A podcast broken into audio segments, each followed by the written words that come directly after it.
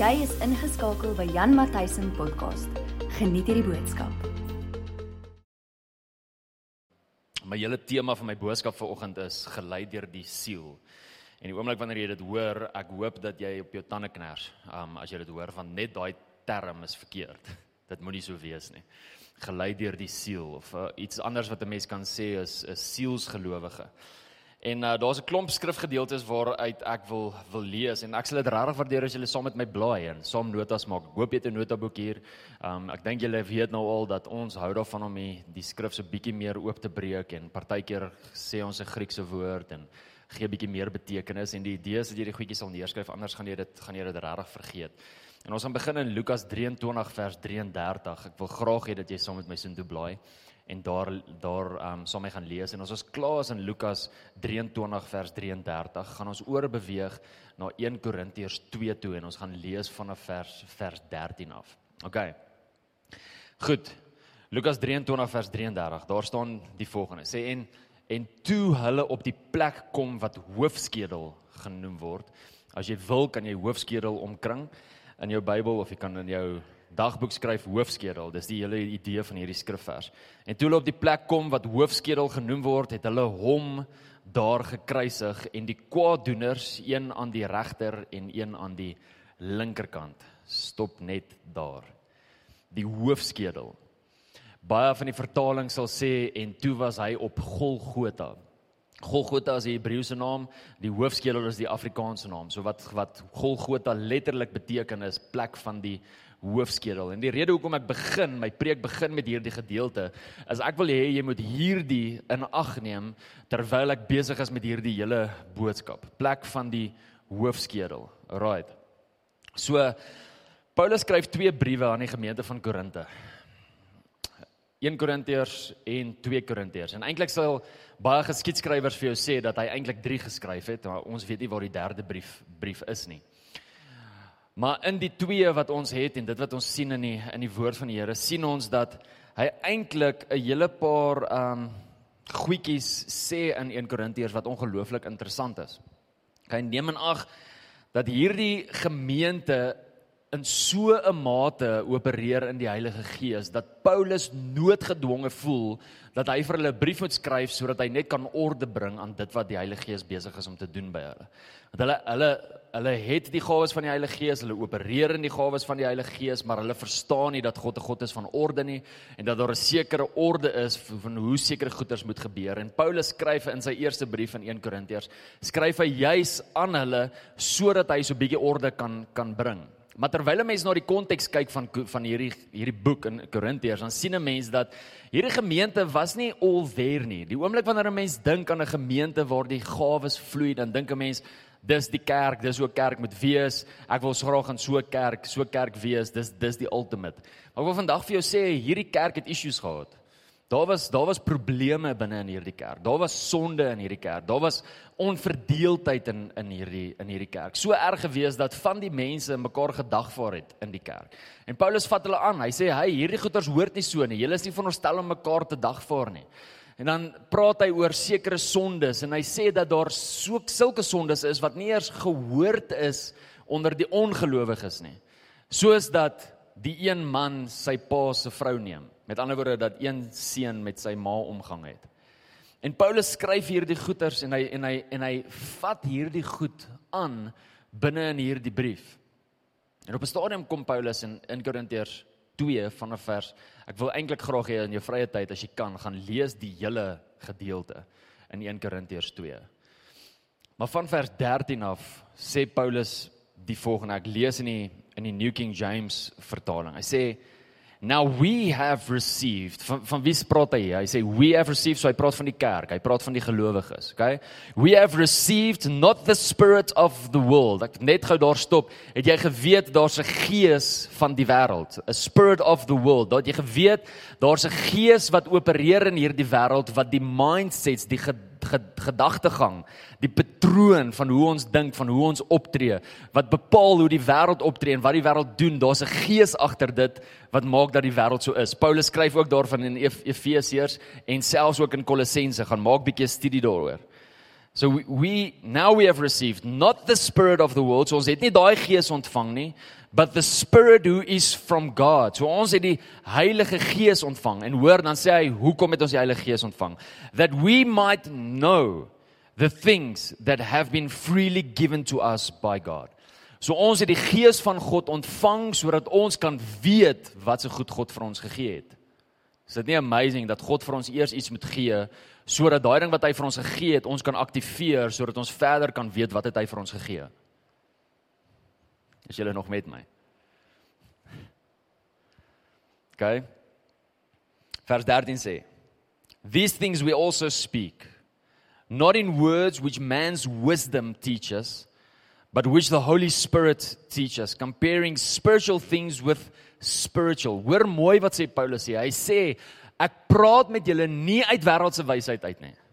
Vir een of ander rede dink ons dat wysheid wysheid is en dat alle wysheid van God afkom. het jy geweet daar's wêreldse wysheid? Het jy geweet dat partykeer tree mense in wêreldse wysheid op? Het jy geweet dat wêreldse wysheid nie van God af is nie? Het jy geweet dat Paulus hier kom en hy praat hier van hierdie wêreldse wysheid en hy sê ek kom nie na julle toe met mense wêreldse wysheid nie. Ek kom praat met julle deur die Gees want dis die Gees wat geestelike dinge onderskei. As jy nie die Heilige Gees het nie, is dit onmoontlik vir jou om geestelike dinge te onderskei. Jy het die Heilige Gees nodig om geestelike dinge te kan onderskei. Vers 14. Dan sê hy vir hulle die volgende. Nou begin hy dalk bietjie ernstiger raak. Hy sê but the natural man does not receive the things of the spirit of God for they are foolishness to him. The natural man. As jy 'n studie gaan doen oor die woord natural daar, dan sal jy sien dat die woord natural in die Grieks is die woord sugikos. Sugikos. En dit beteken siel. Die sielsmens ontvang nie die dinge van die gees nie. Onthou nou lank terug het ek 'n bietjie gesels en gepreek oor gees, siel en liggaam en toe het ek vir julle verduidelik hoe werk dit en wat gaan aan en toe het ek gesê dat die siel bestaan basically uit drie dinge uit: die wil, die intellek en die emosies. Met ander woorde, jou wil, jou intellek en jou emosies vloei uit jou siel uit. En hier kom Paulus en hy sê die volgende, hy sê geestelike waarheid kan jy nie ervaar in jou wil, in jou intellek of in jou emosies nie.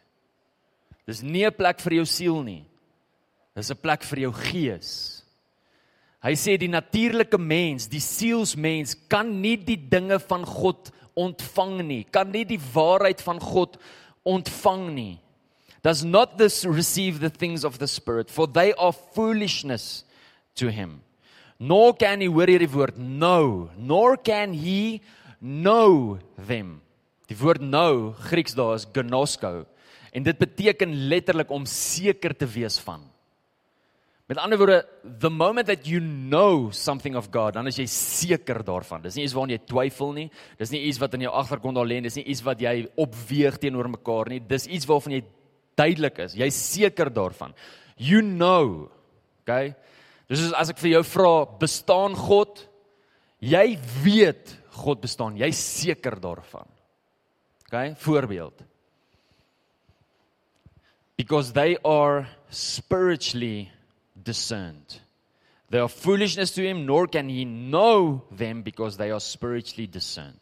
Dan oor hier skryf Paulus die volgende. Hy sê daar is geestelike goed wat God vir ons as gelowiges wil gee wat ons net kan ontvang in ons gees.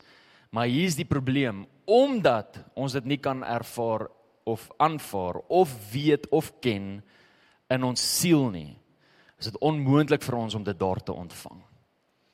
Is dit nie vir jou interessant dat as hierdie die waarheid is dat ons onsself die heeltyd vang sekere goeters uitredeneer nie.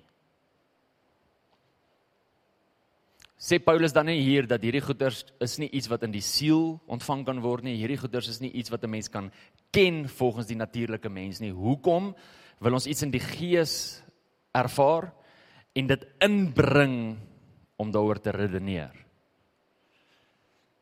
Dan gaan hy aan. 1 Korintiërs 3 gaan Paulus aan met hierdie hele gedagte. Julle weet dat toe die hoofstuk gestop het, hy nie gestop het met die brief nie, nê. Nee. Julle weet die brief was aan een gewees en later het hulle hoofstukke ingebring om ons te help om te kan blaai na sekere plekke toe. Maar hy gaan aan met hierdie gedagtes. met wat hy nou net hier geshare het. En ek lees nou vir jou uit die 33 53 vertaling. Hy sê en ek broeders, hy sê toe ek na julle toe gekon het, ek kon met julle nie spreek soos met geestelike mense nie. Hoe hartseer is dit vir Paulus? Om voor 'n gemeente te staan, om voor mense te staan en hy weet, ja, ek julle is so gedryf deur julle siel, julle is so gedryf deur julle intellek. Julle is so gedryf deur dit wat julle weet dat ek nie met julle kan praat nie. Ek kan nie geestelike dinge met julle deel nie. Ek kan nie geestelike goed vir julle oopbreek nie. Ek kon nie met julle praat soos met geestelike mense nie. Maar soos vleeslike. Met ander woorde, hy moes met hulle praat soos vleeslike mense. Soos met klein kinders in Christus. So hy sê hulle was super onvolwasse. Ongelooflik. Is dit nie vir jou interessant dat hierdie kerk onvolwasse genoem word en tog opereer hulle in die gawes van die Gees nie? Wil vir jou die volgende verklaring maak want baie pastore leer die mense verkeerd. Die gawes wat vloei in jou lewe het niks te doen met jou volwassenheid nie in die Here nie. Dit het te doen met jou identiteit in die Here. As gevolg van wie jy is. Nie as gevolg van hoe volwasse jy is nie. Dis die Gees wat deur jou werk. Die Gees is altyd volwasse. Vers 2. En ek het julle met melk gevoed, nie met vaste spys nie, want julle was nog nie daartoe in staat nie en julle is nou nog nie daartoe in staat nie. So hy vat hierdie gemeente vas omdat julle nog vleeslik is, want aangesien daaronder julle jaloersheid en twis en tweedrag is, is julle nie dan vleeslik nie en wandel julle dan nie volgens die mens nie. Sien Paulus het 'n concern hier. Hy het hier's 'n gemeente, hulle opereer in die gawes van die Heilige Gees. Vir enigiemand wat van buite af kyk, sal dit na dit kyk en sien en dink, "Wow, dis die plek om te wees." Maar Paulus kyk na hulle en hy weet wat die gees van God sê oor daai gemeente en ewe skielik sê hy vir hulle maar is julle is glad nie volwasse nie. Julle mis dit. Julle julle maak besluite, julle lewe alles volgens julle siel. Julle maak nie besluite volgens dit wat die gees vir julle sê nie. Julle maak nie besluite volgens dit wat God van julle verwag nie. Ek het 'n woord vir dit. Staan nie in die Bybel nie sommer my eie term. Professionele Christendom. So dis my woord vir dit. Hierdie gemeente was professionele Christene. En weet julle wat is hartseer daaroor? Ek ek sit voor die tyd sit ek bietjie met Pastor Tersius oor die hele gedagte en gesels en ek sê vir hom ja, ek is so skuldig aan al hierdie goed. Wonder hoeveel keer in my lewe was ek al 'n professionele Christen? Weet jy wat is 'n professionele Christen? Professionele Christen weet hoe 'n Christen lyk. Hy weet hoe 'n Christen praat. Hy weet hoe 'n Christen moet optree. Maar hy lyk nie soos wat hy lyk, praat nie soos wat hy praat en tree nie soos wat hy optree as gevolg van die leiding van die Heilige Gees nie, maar as gevolg van die norm. Dis 'n professionele Christen. 'n Professionele Christen weet wat om te sê op die regte tyd. 'n Professionele Christen is iemand wat die heeltyd in kompetisie is met ander gelowiges. Om te kyk wie verstaan die Bybel die beste en en wie het die grootste openbaring. 'n Professionele Christen se woordeskat is so ingerig dat hy weet hoe om geestelik te klink. Maar meanwhile het hy nie 'n klou om die stem van die Here te hoor nie. So professionele Christen. Hoeveel keer het jy al mense gegroet en dan sê hulle vir my vir jou, "Ja, nee, dit gaan goed. God is in beheer." Nee, dit gaan goed. God is altyd goed. Of nee, dit gaan goed. God is op die troon. Ons weet wat om te sê, want ons is professionele Christene. Maar net omdat ons weet wat om te sê, beteken nie dat dit wat ons sê gelei is deur die Heilige Gees nie. Jy sien, dit is so maklik om sielsbesluite te neem. Dit is so maklik om volgens die natuurlike mens op te tree. En die rede hoekom ek hieroor praat, familie, is die volgende. Ek sien 'n tendens. Ek sien op sosiale media hoe sekere mense sekere goeters kwytraak, sekere goeters sal sê, sekere goeters sal verklaar oor sekere seisoene waarin ons is. Sekere goeters sal kwytraak oor die vaksin, sekere goeters sal kwytraak oor die eindtyd en en allerlei goeters. Ek sien hoe Christene op sosiale media ander Christene kruisig, uithaal met klippe gooi. Hoe daar tweestryd is, hoe daar ongelooflik baie mense is wat beklei met mekaar. Ek sien hoe daar in kerke mense is wat die godkaart gebruik om sekere goeders te manipuleer, om sekere goeders te, te seker te maak dat dit wat in hulle harte is en dit wat in hulle wil is van vorentoe sal kom, want Hulle wil dit tog net nie mis nie. Hulle wil so graag hê dat alles moet gebeur soos wat dit moet gebeur. Ek sien hoe daai goeders in die kerk gebeur en ek hoor hoe die gees van die Here vir my sê, "Jan, vir die seisoen waantoe jy as 'n kruisnarasie familie ingaan, is dit belangrik om hierdie mense te kruisig." Dis belangrik om nie volgens die vlees, volgens die natuurlike mens op te tree nie, maar om te luister na dit wat die Heilige Gees sê. 'n Professionele Christen word deur sy emosies bepaal. Sy emosies bepaal of hy bewus is van die Gees of nie. Waarmee 'n professionele Christen familier is, bepaal of hy optel waarmee die Gees besig is. Kom ek kom ek verduidelik dit. Kom ek gee 'n voorbeeld. Mense sal sê Ek was glad nie bewus van die Heilige Gees in die worship set vandag nie. Maar meanwhile was dit nie omdat die Heilige Gees nie daar was nie, dit was omdat daar nie een liedjie was wat hy geken het nie. Hy was nie familier met die worship set nie, so die Heilige Gees was nie daar nie. Of die hy sal sê voorbeeld. Die Heilige Gees was so tasbaar vanoggend in die worship, maar dan was dit omdat al die liedjies wat gesing was, liedjies is waarvan hy hou professionele Christendom.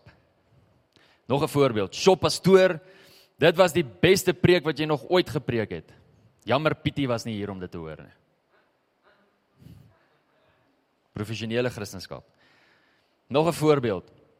Hulle dink die preke is goed waarin hulle nie aanstoot neem nie, want dit is 'n veilige plek. Maar die oomblik wanneer hulle aanstoot neem in 'n preek, dan kla hulle die pastoor aan en hulle sal sê die pastoor preek nie goed nie. Professionele Christendom. 'n Sielsgelowige sal die volgende sê. Ek gee 'n klomp voorbeelde want ek wil hê ons moet sien dat ons baie keer skuldig is in hierdie goeters en ek sal eers my hand opsteek. Ons is baie keer skuldig om volgens die natuurlike mens op te tree en volgens die natuurlike mens te dink en nie oor te los laat aan die Heilige Gees om ons te lei nie. 'n Sielsgelowige sal baie keer die volgende sê: God is goed. Maar terselfdertyd voel hy te nagekom want die Here het vir iemand anders deurgekom en nie vir hulle nie. sien julle die as jy dit nie sien nie is daar fout. Hulle sal baie keer sê, sielsgelowiges, sal baie keer sê God is in beheer. Maar terselfdertyd sal hulle God nie eer met hulle tiendes nie.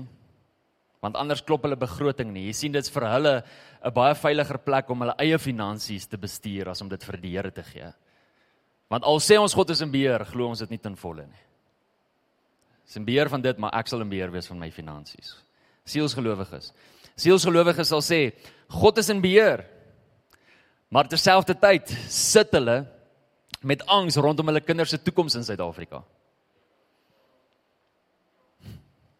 as God dan in beheer is van Suid-Afrika, hoekom stres jy dan oor die toekoms van Suid-Afrika en dit met, met met wat met jou kinders gaan gebeur? Is dit dan nie reg om jou kinders in die hande te gee van die een wat hulle toekoms hou nie, in plaas daarvan om self te probeer angstig wees en self jou eie planne te probeer maak nie? sien jy hoe naby en hoe fyn is hierdie sielsgelowige ding? 'n Sielsgelowige sal sê God het vir my gesê om dit te doen of dat te doen. Want hulle weet niemand kan stry met dit wat God gesê het nie. So hulle sal baie keer die Godkaart speel om iets af te dwing. Hulle sal baie keer sê maar die Here het vir my gesê ek moet met hierdie een trou en daardie een trou. Maar die Here het vir my gesê ek moet hier bedank en daar gaan aansoek doen by 'n werk. Maar die Here het vir my gesê ek moet hierdie doen. Ek sit nou die dag so koffie drink met iemand. Ek hoop nou nie hierdie persoon luister nie, maar gaan nie sy naam noem nie. Ek sit met 'n persoon so in koffie drink. Weet julle wat sê hierdie ou vir my? Hy sê vir my hy het vir die Here gevra of hom tekens te gee of hy moet skei met sy vrou of nie. Sielsgelowige Sielsgeloof asof die Here change mos sy mind oor sy woord en sy beginsels. Sielsgelowiges is vinnig om vir 'n mens te sê so sê die Here terwyl dit eintlik is so sê Jan.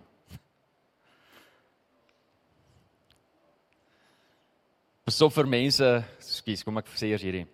Sielsgelowiges is baie vinnig om vir jou te sê ek bid vir jou. Nie omdat hulle intensie is om vir jou te bid nie, maar omdat dit die regte ding is om te sê in daardie oomblik.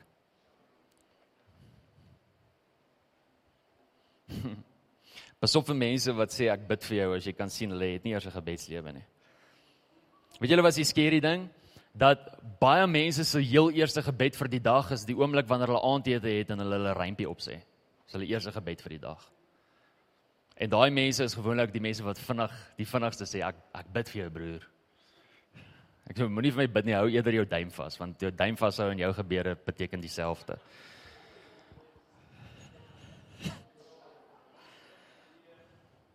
So so familie, hoekom praat ek oor al hierdie goeters? En julle sal hoor die hele tyd, ek sê die hele tyd ons en ek verwys nou so ek wys die vingers na enige een van ons toe in hierdie plek nie. Die Heilige Gees is die een wat oor wat oortuig en ek het vir julle gesê ek sal eers my hand opsteek. Ek het dit al soveel keer gemis.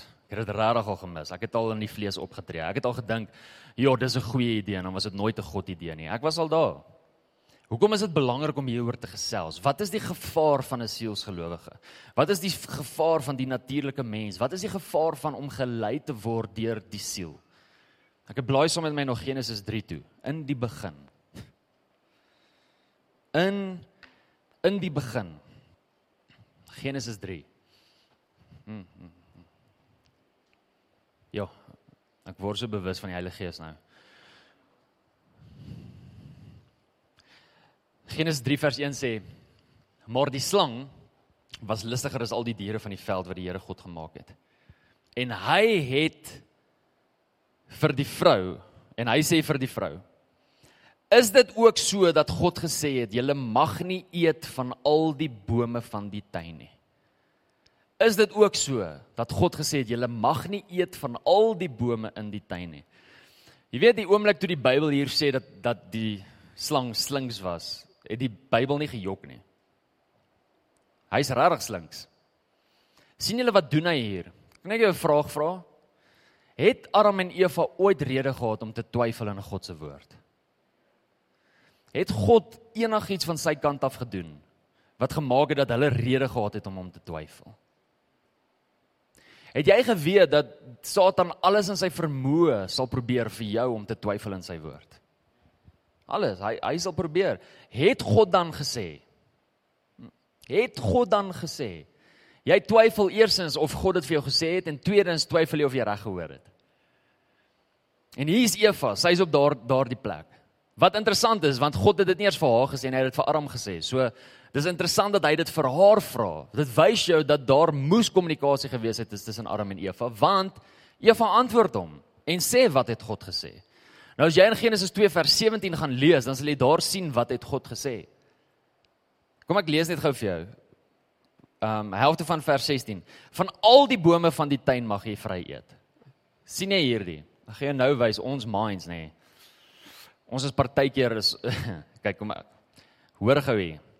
Van al die bome mag jy eet. Vers 17. Maar van die boom van kennis van goed en kwaad, daarvan mag jy nie eet nie. Want die dag as jy daarvan eet, sal jy sekerlik sterwe. So God kom en hy gee selfs vir hulle rede hoekom hulle nie mag hiervan mag eet nie.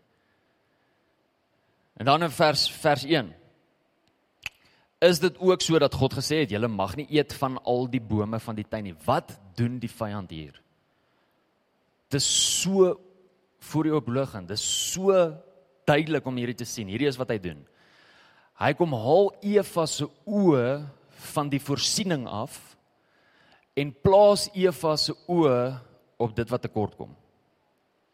Daar's een boom in hierdie tuin waarvan hulle nie mag eet nie. Daar's duisende bome waarvan hulle mag eet. sien julle hoe gewired is ons ook partykeer? Hoeveel keer hou ons vas aan 'n negatiewe ding terwyl daar soveel positiewe goeters? Hoeveel keer sal ons op Facebook gaan en dan onthou ons die negatiewe post in plaas van al die goeie posts? Hoeveel keer gaan ons en ons lees in die Koran sekere goeters en ons hou onthou al die negatiewe goeters en die negatiewe ding bepaal my aksies en my optrede soveel meer as wat die positiewe gedoen. Die duiwel weet dit is hoe ons as mense reageer. Ons sien die raak. Want hy reageer daarop. Wil net ook by sê een van die grootste denominasies in Suid-Afrika gaan nie name and shame nie. Maar een van die grootste denominasies in Suid-Afrika gebruik hierdie gedeelte in Genesis 2 vers 17 om vir hulle dosent vir hulle amper sê ek nou ek wil dit nie weggee nie. Hulle mense wat swat vir teologie om leraars te word. Om vir hulle te wys dat God 'n leenaar is. Hulle gebruik hierdie om vir, vir hulle te wys dat God 'n leenaar is. Want hulle sê hier, God sê hier vir Adam en Eva dat hulle gaan doodgaan as hulle die vrug eet. En dan vra hulle hier die volgende vraag: Het hulle dood gegaan? En as die antwoord nee, as hulle sien God is 'n leenaar. Weet julle wat is skerry van dit? Hoor wat sê hoor wat sê die die duiwel in vers 4, Genesis 3 vers 4, sê die duiwel die volgende. Toe sê die slang vir die vrou: "Julle sal gewis nie sterwe nie, maar God weet dat as julle daarvan eet, julle oë sal oopgaan." Weet julle wat hierdie denominasie besig om te doen? Hierdie hierdie denominasie kom in agreement met dit wat die duiwel hier sê. Dis skerry julle. Dis dis skerry. As jy 'n studie gaan doen hier dan sal jy sien dat daar iets dood gegaan het in Adam en Eva. Paulus sê dit in Efesiërs 2 vers 1. Julle was dood gewees as gevolg van julle sonde. Sonde het gemaak dat hulle dood gegaan het. Wat het dood gegaan? Hulle gees het dood gegaan teenoor God. Daar was dood. Daar was sterwe. God is nie 'n leenaar nie. En ek sal dit sê voor voor almal op livestream. God is nie 'n leenaar nie. Pas op vir hierdie denominasie wat sulke nonsens kwytraak. Weet julle wat gebeur?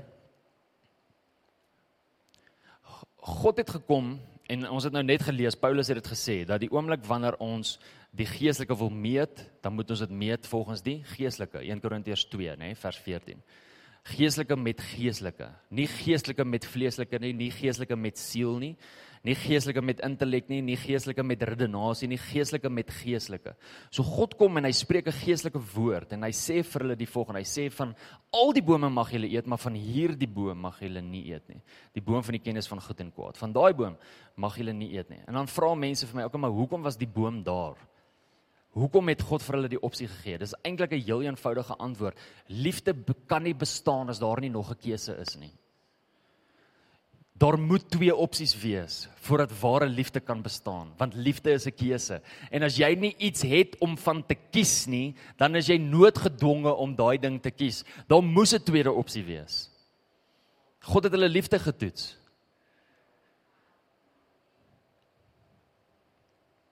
En hoor wat gebeur. Hy vra vir Eva 'n vraag.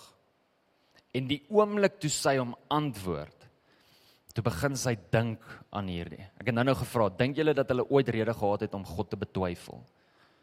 Weet jy wanneer het hulle God begin betwyfel? Toe daar 'n vraag was op dit wat God gesê het. Familie, hoeveel keer? Hoeveel keer betwyfel ons God se beloftes en dit wat God vir ons sê omdat ons 'n vraagteken aan die einde sit in plaas van 'n uitroepteken?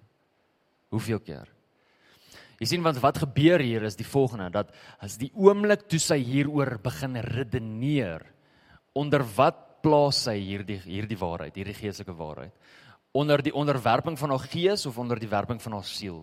Want waar plint waar vind redenasie plaas? In jou siel, nie in jou gees nie. So dadelik kom onderwerp sy hierdie geestelike waarheid aan dit wat sy verstaan en dit hoe sy dink, nie aan dit wat God gesê het nie. En net so gebeur die val van die mens. Jy sien hierdie kwessie waarvan Paulus praat hier in 1 Korintiërs 2 is iets wat bestaan al van die begin af. Ek en jy is nie die enigste mense wat hiermee sukkel nie. Ons as mens sukkel nou al van ons bestaan af hiermee. En hierdie is hoekom Jesus Christus gekom het. Onthou die heel eerste skrifvers waarvan ons gelees het. Hy was hy was gelei na die hoofskedel. Okay, so ek sal ek hardloop myself vooruit. Aardse menslike wysheid is duiwels. Hoor wat ek vir jou sê. Ek praat nie van goddelike wysheid nie. Ek praat van aardse menslike wysheid. Is duiwels. Ek sê nie so nie, Jakobus sê so. Jakobus 3 vers vers 15 tot 17. Dit is nie die wysheid wat van bo af kom nie, maar is aards. Hoor jy? Aards dis natuurlik. Hoor wat sê hy? Dis duiwels. Aardse wysheid is duiwels. Dit is nie geïnspireerd deur die gees van God nie, dis geïnspireer deur die gees van hierdie wêreld. Dis aardse wysheid. Ons kan nie bekostig as gelowiges om aardse wysheid deel te maak van ons lewens nie. Ons kan nie bekostig om professionele Christene te wees nie. As ons sê so sê die Here, dan beter die Here dit gesê het. As ons sê ons ervaar dat dit is wat God vir ons doen, dan beter dit so wees dat dit is wat God sê. Ons kan nie goed opmaak nie, ons kan nie professionele Christene wees nie, ons kan nie die regte ding wil sê nie. Ons moet bly by dit wat God sê. Jesus praat met sy disippels in Matteus 16. Blaai gesoen toe Matteus 16 vers 24. Jesus praat met sy disippels en weet julle wat sê Jesus vir sy disippels? Hy sê vir hulle die volgende in 'n nutshell, gee vir jou opsomming. Hy sê disippels, julle moet julle gedagtegang kruisig. Ek wil hê jy moet weet dat die oomblik wanneer ons praat van die kruisiging en dit wat Jesus gedoen het op die kruis, dan moet ek wil hê ek wil hê jy moet weet dat dit wat Christus aan die kruis gedoen het ten opsigte van sonde is volbring. OK? Maar dit wat gebeur ten opsigte van ons siel, ten opsigte van ons gedagtes is 'n daaglikse ding. Hoor wat staan hierso in vers 24. Toe sê Jesus vir sy disippels: As iemand agter my aan wil kom, moet hy homself verloën en sy kruis opneem en my volg, want elkeen wat sy lewe wil red, sal dit verloor. Maar elkeen wat sy lewe on my ontwil verloor, sal dit vind. Kyk hoor gou hier, die woord lewe daar is die Griekse woord sugai en beteken siel. Elkeen wat sy siel wil red, sal verloor. Elkeen wat sy siel wil verloor, sal wen. So hier kom Jesus en hy sê die volgende, hy sê vir sy disippels: "Julle moet julle gedagtegang kruisig. Julle kan nie dink soos wat die wêreld dink nie. Julle kan nie optree soos wat die wêreld optree nie. Julle kan nie redeneer soos wat die wêreld redeneer nie. Sorry, ek wil Matteus 16 toe gaan. Wil julle iets wys? Julle wat is die konteks van hierdie hele gedeelte? As julle na ons aandsessies toe kom, dan sal julle sal julle sien ons praat dat baie baie belangrik is om konteks te onthou. Weet julle wat is die konteks van hierdie gedagte waar Jesus hier praat? Jesus kom na sy disippels toe en hy vra vir hulle 'n belangrike vraag. Hy vra vir hulle: "Wie sê die mense is ek?" En dan sê hulle, sommige sê Elia, sommige sê Jeremia, ander sê Johannes die Doper of een of ander profeet. En dan sê Jesus die volgende, hy sê: "Maar wie sê julle is ek?" En Petrus kom en hy kry hierdie groot openbaring en hy sê: "Here, U is die seun van God, die Christus wat sou kom." En Jesus respond teenoor dit en hy sê vir Petrus: "Geseënd is jy Simon Barjona, want vlees en bloed het hierdie nie vir jou geopenbaar nie, maar my Vader wat in die hemel is." En dan sê hy: "En jy is Petrus en op hierdie rots sal ek my kerk bou." En ek het so 3, 4 weke terug het ek gesê hoe belangrik dit is vir die kerk om te weet dat die kerk nie gebou is op Petrus nie, maar dat die kerk geoop gebou is op die openbaring van wie Jesus Christus is. En toe het ek die volgende gesê dat dit so belangrik is vir die kerk om nie sy openbaring van Jesus te verloor in hierdie tyd nie. Want as ons oë te lank van hom af is, verloor ons ons openbaring. So dis wat hier gebeur. So Petrus vat een raak in die gees. Met ander woorde, hy ervaar, ja, die Here het vir my gesê ek moet hierdie sê. Hy sê dit en Jesus sê vir hom, "Well done. Dit is wat God vir jou gesê het. Dit is gebore uit die Gees uit." Jy al gevoel hoe awesome is dit as die Here vir jou iets gesê het en jy reageer daarop en dit was so? Dis awesome. So dit moet wees. En Petrus is op 'n geestelike haai. En Jesus begin met hulle praat en sê vir hulle, "Maar daar kom 'n tyd waar die seun gekruisig moet word en hy moet doodgaan en hy moet sterwe." En Petrus, terwyl hy op hierdie geestelike haai is, want hy het mos nou net reg gevat, hy het mos nou net raak gevat. Hy is die man. Sê vir Jesus, Here, daar is nie 'n manier wat U doodgaan nie. En wat sê Jesus vir hom? Get behind me, Satan, for you are an offense to me. Weet jy dat in Matteus 4 vers 10 kom kom Jesus en hy sê vir die duiwel, get behind me, Satan. En daai selfde presies dieselfde woorde is wat hy hierso sê vir Petrus. Hy sê vir hom 'n interessante ding. Hy sê vir hom, "For you are not mindful of the things of God, but mindful of the things of man." So wat gebeur hier? Petrus het nou net raak gevat in die gees. Maar hier kom hy en hy vat mis. En hy tree op uit sy eie menslike verstand uit. Uit sy eie interpretasie uit, uit sy eie sielsmens, sy natuurlike mens tree Petrus op en hy sê iets en Jesus bestraf hom want hy mis dit.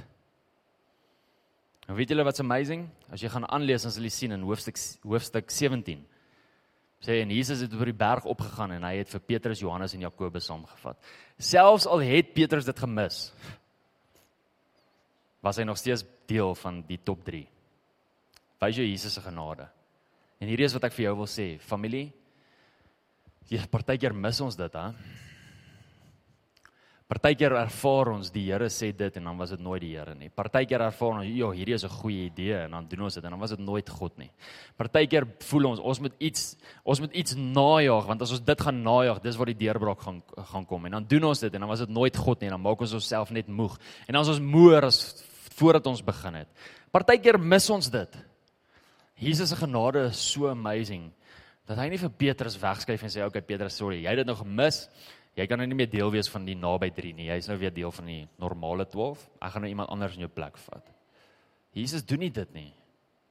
En hy doen dit ook nie met jou nie. En omdat Jesus dit nie doen met Petrus nie en omdat Jesus dit nie doen met jou nie, moet dit nie met mekaar doen nie. Hoor, moet dit nie met mekaar doen nie. As iemand langs aan jou wat vir jou iets gaan kom sê wat super uit die vlees uit is, wat gemis het, wees genadig teenoor dit. Mense in hierdie gemeente het al vir my goeters kom sê, so sê die Here. En dan het hulle dit ongelooflik baie gemis. En weet jy wat? Ek is nog steeds lief vir daai mense. Ek weet dadelik. Jy weet ek en ek en my vrou hierdie jaar is ons nou 11 jaar getroud. Hierdie is die die 10de jaar wat ons probeer om kinders te kry. So vroeg in 2016 toe kom 'n oom in hierdie gemeente, verskriklike bekende oom in hierdie gemeente. Na my toe, na die diens, sê hy vir my die Here het vir hom gewys daar's sonde in my lewe, dis hoekom ons nie swanger word nie. En die oomblik toe ek dit hoor, toe wil ek hom klap. Regtig, ek wou hom regtig klap. Maar dadelik ervaar ek net hoe God se genade net oor my kom en hoe ek net vir hom sê, dankie oom. Dankie vir jou gehoorsaamheid. En ek loop weg. Want ek weet wat die hart is van my Vader. En ek weet dat selfs al mis mense dit, dat 'n mens nog steeds in genade moet optree. Maar vir waantoe ons as 'n familie op pad is, is dit so belangrik om 'n goeie trek rekord te hou. Want as iemand die hele tyd gaan skree wolf, wolf, wolf en die hele dorp is in rep en roer en daar is nie 'n wolf nie en een of ander tyd kom die wolf op en jy skree wolf, niemand gaan jou meer glo nie. Julle ken nou julle storie, nê? Dis so belangrik om jou trek rekord reg en skoon te hou. Moenie op so 'n manier leef dat jy sekere goeie sê en sekere goeie kwyt raak omdat jy goed ervaar, maar dan was dit nooit die Here nie. Jy het dit ervaar as gevolg van jou emosies, jy het dit ervaar as gevolg van goed wat jy gesien het, goed wat jy gehoor het, goed wat omstandighede is, goed wat nou in die wêreld gebeur en nou ervaar jy sekere goeie en nou raak jy goeie kwyt. Jy kan nie daarop reageer nie. Jy het 'n verantwoordelikheid teenoor die Here om seker te maak dat jy sê wat hy sê. Veral as jy optree op van sy naam af. 'n verantwoordelikheid, familie, ons het 'n verantwoordelikheid. Ons het ook 'n verantwoordelikheid om mekaar te vertrou. Die laaste ding wat enigiemand wil hê, is dat ek op hierdie verhoog sal staan en sal sê, so spreek die Here. En dadelik twyfel julle, want ek het nou al 50 keer gesê so spreek die Here en dit was nie een keer die Here nie. Dis die laaste ding wat hierdie familie nodig het. Dis die laaste ding wat hierdie familie nodig het van enige een van ons familielede af. Ons het 'n verantwoordelikheid om die woord van God reg te sny. Toe Dawid vir Goliat, ek gaan nou afsluit. Toe Dawid vir Goliat verslaan het, tel hy Goliat se groot swaard op en hy sny Goliat se kop af. En hy vat hierdie kop van Goliat. Jy sien dit nie in die woord nie. Hierdie is in die Joodse geskrifte En hy vat hierdie kop van Goliat en hy klim op sy perd en hy paradeer hierdie kop van Goliat deur Jerusalem sodat die hele volk kan sien wat nou net gebeur het en hoe goed God was. En hy ry by 'n koppie op en hy gaan begrawe die kop van Goliat bo op 'n koppie en hy noem hierdie koppie Gal Goliath. Gal Hebreëse woord wat beteken mount. Mount Goliath. Later verander die naam van Gal Goliath na Golgotha. Golgotha die plek van die hoofskedel waar Jesus Christus gekruisig is. Die grootste geestelike oorlog wat nog ooit plaasgevind het was op die plek van die hoofskedel. Jesus Christus het was gekruisig gewees sodat ons op 'n plek kan wees waar ons ons gedagtes in lyn kan kry met sy gees, sodat ons ons gedagtes kan kruisig, sodat ons ons gedagtes onderdanig kan bring teenoor dit wat in die gees gebeur, soos in in teenoor dit wat hy spreek in die gees sodat ons nie meer vleeslik hoef op te tree nie, sodat ons nie natuurlik hoef te wees nie, sodat ons nie 'n sielsgelowige hoef te wees nie, maar sodat ons geesgelowiges is. Sodat ons nie gelei word deur ons siel nie, maar sodat ons gelei word deur ons gees. Jesus Christus het dit gedoen op die kruis. Hy het 'n doringkroon gedra. Sy hoof het gebloei sodat jou gedagtes in lyn kan kom, sodat jou gedagtes die gedagtes van Christus sin kan wees. Hy het daai prys reeds betaal. Dis ons verantwoordelikheid om hom te eer in hoe ons dink en hoe hoe ons optree en hoe ons ons siel onderdanig bring teenoor God se gees. So is dit belangrik vir ons as 'n kruisgenerasie om te leef en vir ons as Christene. Hierdie dorp het nie professionele Christene nodig nie. Hierdie dorp het nie sielsgelowiges nodig nie. Hierdie gemeente het dit nie nodig nie. Ons het bloedgewaste kinders van God nodig wat optree volgens die gees van God en dit wat die gees van die Here sê, volgens hulle identiteit. Dit is wat herlewing bring. Dit wat transformasie bring. Dit is wat 'n dorp verander. Dit is wat 'n hart dra van die koning en nie 'n hart dra van jouself nie. Jy is nie koning van jou lewe nie. Begrawe jouself as jou eie koning want daar's 'n ander koning oor jouself en sy naam is Jesus Christus. Hy kla jou hart oorwin. Hy kla jou lewe oorwin en jy het die verantwoordelikheid om seker te maak dat jou lewe is volgens dit wat die koning wil hê, nie volgens jy nie. Nie volgens wat in jou hart aangaan nie, nie volgens jou begeertes nie, nie volgens jou gedagtes nie, volgens die koning se gedagtes. Bring dit in lyn familie in die naam van Jesus. Hou op om geestelike waarhede uit te redeneer volgens aardse waarhede. Hou op om dit te doen. Ons het 'n verhouding van geloof.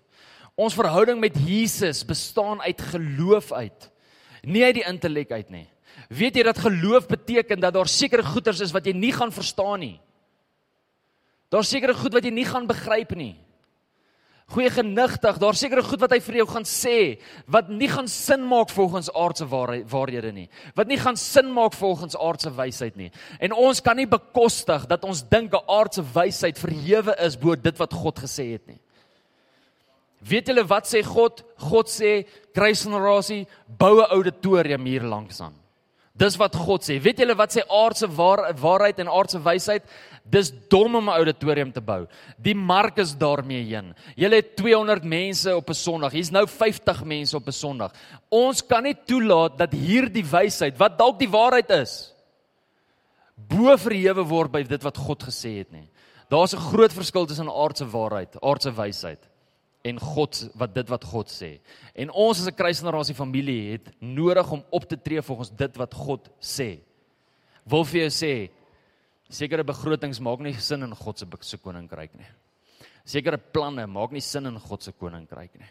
Sekere optredes maak nie sin in God se koninkryk nie. Sekere aksies en sekere dade, sekere goed wat hy van jou verwag, maak nie sin nie. Hou op om te wag vir die goed wat sin maak voordat jy optrede maak. Mens noem dit geloof. As jou verhouding met Jesus niks geloof nodig het nie, betwyfel ek jou verhouding met Jesus. Dis die fondasie, is een van die hoekstene van van wie ons is.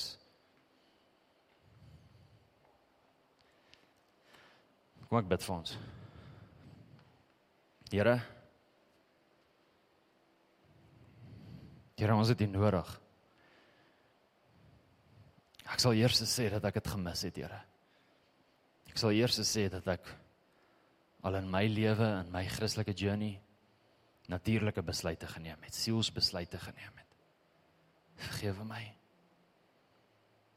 Heilige Gees, help my om so in tune te wees met wat in u hart aangaan dat ek u nooit sal mis nie. Dat ek konstant bewus sal wees van wat in die Vader se hart aangaan, dat ons as 'n kruisgenerasie konstant bewus sal wees van dit wat in u hart aangaan, konstant bewus sal wees van wat u besig is om te sê, wat u besig is om te doen. En dat ons volgens dit optree, nie volgens goeie besluite nie, nie volgens ons professionalisme nie, nie volgens van hoe ons veronderstel om op te tree is of hoe ons ons veronderstel is om te dink of veronderstel is om te praat nie, maar volgens dit wat U sê. Dit is vir ons belangrik. Here, ek verklaar vandag dat U aanvaarding vir my baie belangriker as menslike aanvaarding is. Want baie keer maak ons geestelike kompromieë en, en op geestelike waarhede omdat ons 'n vrees het vir die mens. En ek onthou daai woorde, if you want the favor of man, if you compromise to get the favor of man, you will always get the favor of man and not the favor of God. Help us not to compromise on your word, Lord. Here help ons om te lewe streng sonder kompromie volgens dit wat U verwag, volgens dit wat U spreek. Help ons asher ons in in hierdie nuwe seisoen, Here. Asher ons in om ons minds reg te kry vir herlewing. En mag dit op ons gedagtegang en in ons harte wees dat U 'n passie het vir hierdie dorp. You're going to save this town. U gaan Middelburg red, Middelburg vir Jesus, Here. Elke persoon in hierdie dorp gaan U ken. En ons gaan 'n rol speel daarin. Heilige Gees berei ons voor. Mag ons reg wees daarvoor. Ons eer U daarvoor in Jesus naam. Amen. Dankie dat jy saam met ons geluister het. Onthou om te subscribe op hierdie podcast. Volg ook vir Jan op Facebook en YouTube. Tot 'n volgende keer. Die Here seën jou.